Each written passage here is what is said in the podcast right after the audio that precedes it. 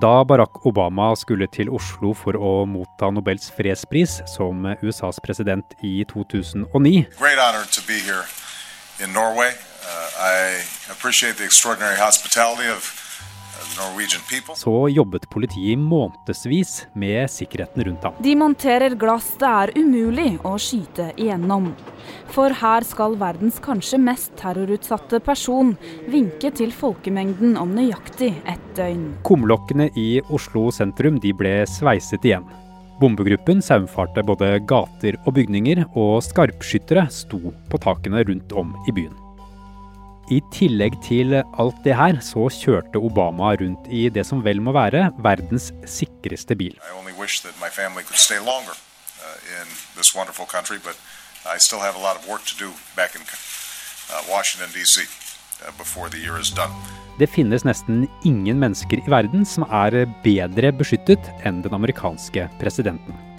Og det er mange grunner til at det er sånn, for dette handler om nasjonal sikkerhet. Så hvordan kunne USAs nåværende president Donald Trump likevel bli smittet av koronaviruset? I learned a lot about COVID. I learned it by really going to school. This is the real school. This isn't the let's read the book school. And I get it and I understand it. Du hører på Forklart fra Aftenposten. Mitt navn er Andreas Bakkefoss, og i dag er det tirsdag 6. oktober. Sist fredag så våknet vi til nyheten om at president Donald Trump og førstekvinne Melania Trump var smittet av covid-19. Og gjennom helgen så kom det flere oppdateringer om hvor syke de var. Noen positive og noen negative. Så hva vet vi egentlig om hvor alvorlig situasjonen var for presidenten? Det er jo dette alle har lurt på i helgen. Eh, Trump sa sjøl i en video som han la ut på lørdag kveld, at han ikke hadde vært så bra, men at han var bedre nå. Kristina Pletten er kommentator i Aftenposten. Legene har sagt at han hadde to plutselige fall i oksygenmetning i blodet, eh, og at han måtte få surstoff ved to anledninger.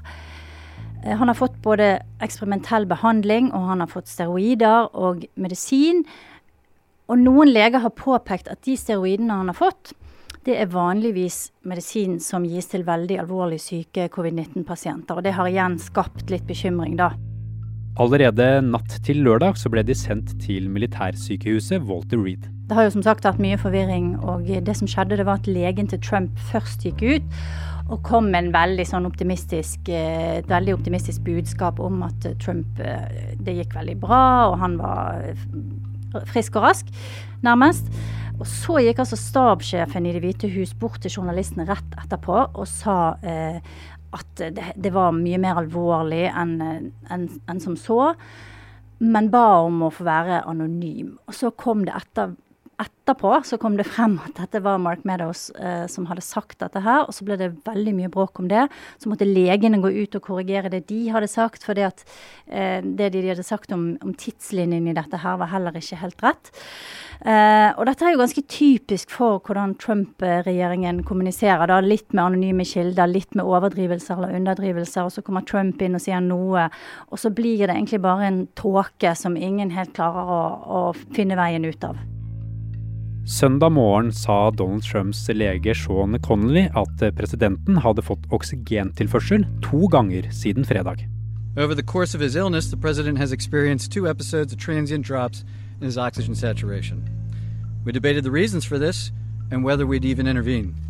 It was a determination of the team, based predominantly on the timeline from the initial diagnosis, that we initiate dexamethasone. Vi vet ikke helt når tid eh, behandlingen startet, eller når Trump ble eh, faktisk smittet. Wall Street Journal har hatt en sak om at han visstnok skal ha hatt en positiv test torsdag morgen. En sånn hurtigtest, og så har han tatt en ny test eh, senere på kvelden.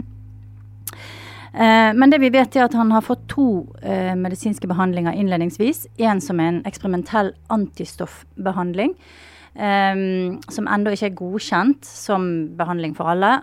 Og så fikk han noe som het remdesivir, prøv å si det riktig, eh, som er da egentlig ebolamedisin som er brukt veldig mye på syke covid-19-pasienter. Og så kom det altså frem i tillegg i helgen at han har fått steroider, eh, som er, er en behandling for veldig syke covid-19-pasienter og demper immunforsvaret, sånn at ikke du dør av kroppens reaksjon på sykdommen. Gjennom helgen så samlet det seg flere Trump-tilhengere foran sykehuset for å vise sin støtte. Og søndag så annonserte Donald Trump at han kanskje ville gi disse støttespillerne en liten overraskelse. I'm not telling anybody but you, but I'm about to make a little surprise visit. So perhaps I'll get there before you get to see me. Uh, but I just, uh, when I look at the enthusiasm, and we have enthusiasm like probably nobody's ever had. Our people that love the job we're doing, we have more enthusiasm than maybe anybody. Og overraskelse, det ble det. Det første jeg så var at det kom en video til fra Trump der han sa nå skal jeg overraske mine tilhengere som står utenfor. Og så rett etter så så vi Trump sige forbi eh, i en sånn svart eh, diger SUV.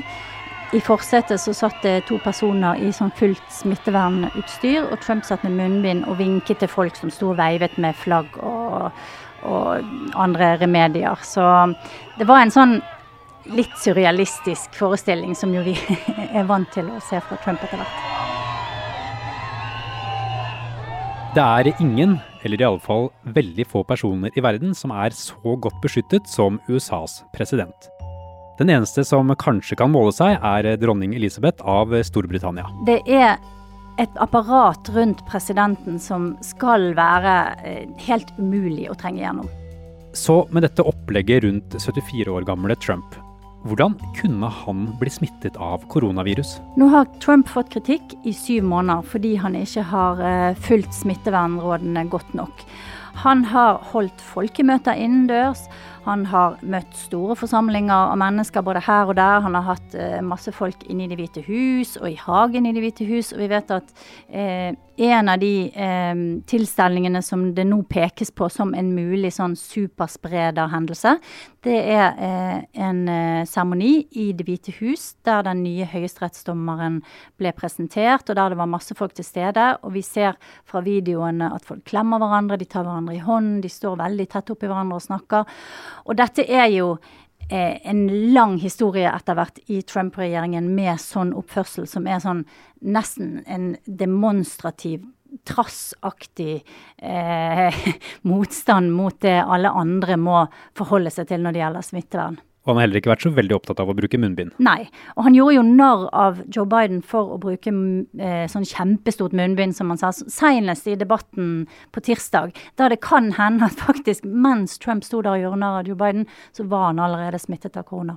Denne debatten mellom Joe Biden og Donald Trump den eh, foregikk i Cleveland, Kristina.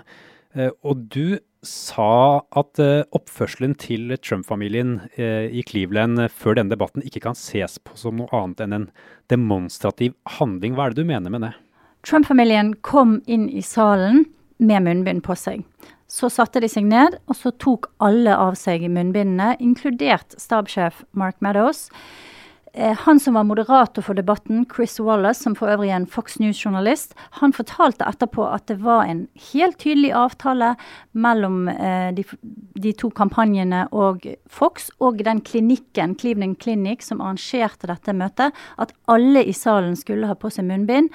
At de tre eneste personene som var unntatt, det var Biden og Trump og eh, altså moderator Wallace. I tillegg til å være veldig beskyttet som president, så får man også mange råd.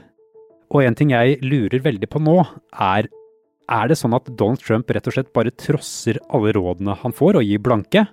Eller får han ikke gode råd i det hele tatt?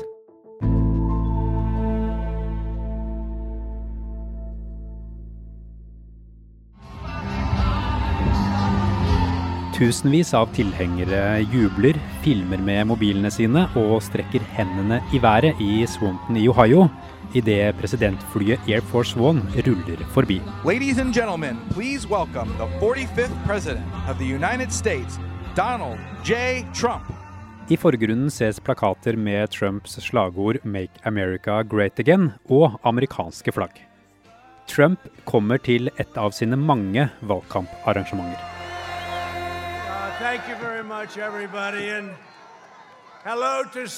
Det er ikke bare i Cleveland at eh, Trump ikke har brydd seg om smittevern. De siste ukene så har Trump, hans nærmeste familie og medarbeiderne hans ofte ignorert regler som andre amerikanere følger.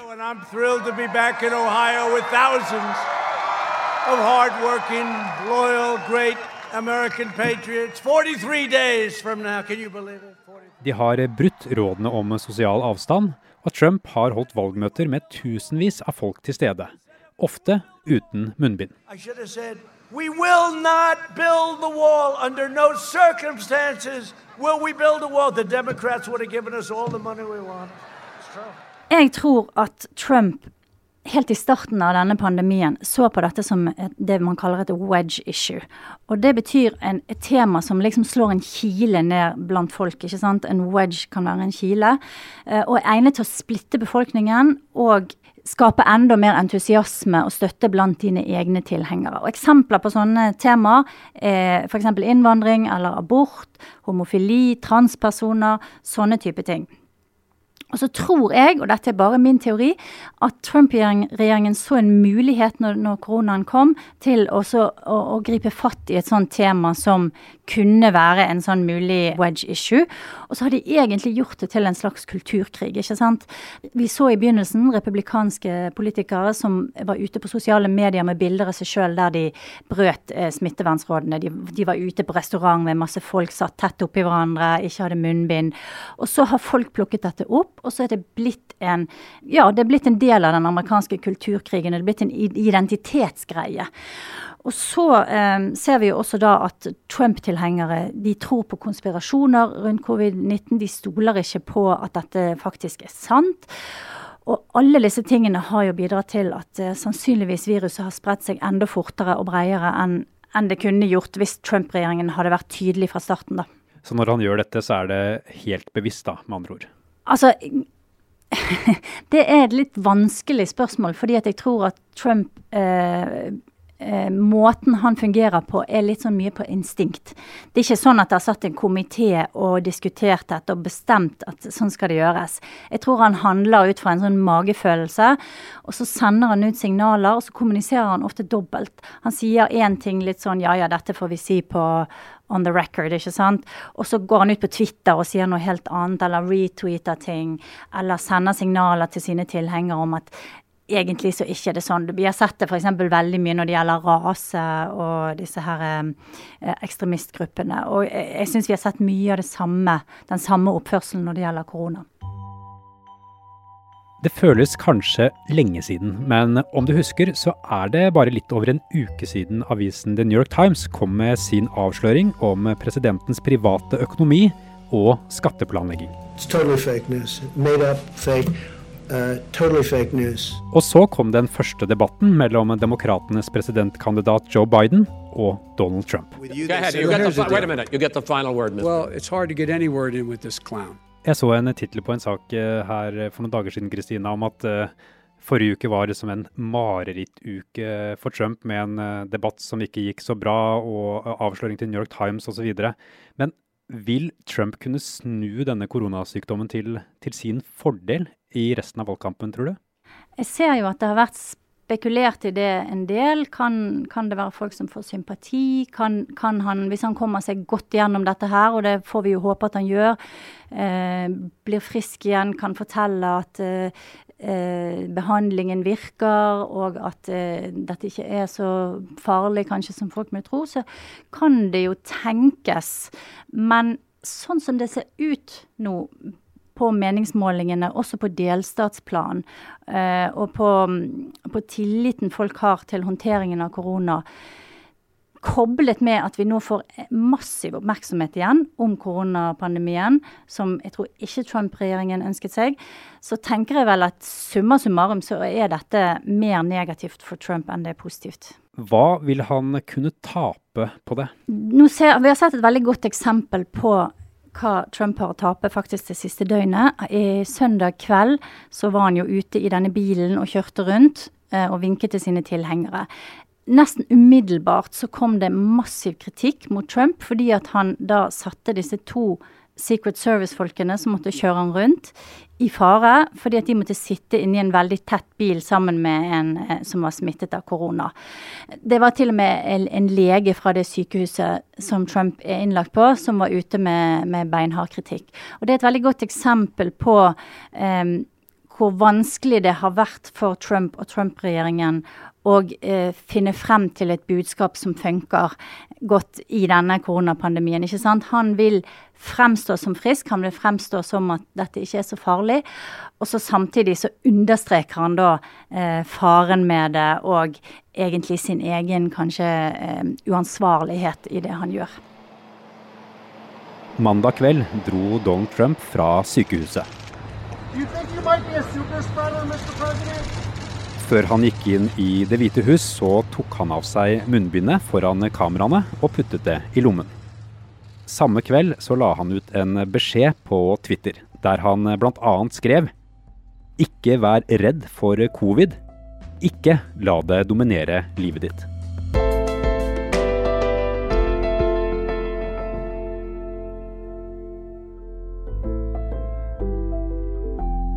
Denne episoden her er eh, laget av produsent Fride Næss Nonstad og meg, Andreas Bakke Foss.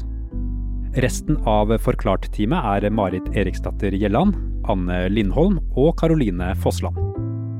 I denne episoden har du hørt lyd fra NRK og nyhetsbyrået AP.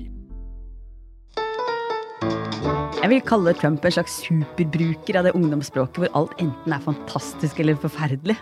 Amazing or it sucks. Men det kommer jo an på om han gjør det med vilje eller ikke. da. Jeg har altså hørt at han har uttalt noe sånt noe som I used to use the word incompetent. Nå kaller jeg det stupid. ja, nå er Språkdokk blitt en politisk podkast fordi Helene Uri og jeg har fått med oss kommentator Therese Sollien til å snakke om politikerspråk.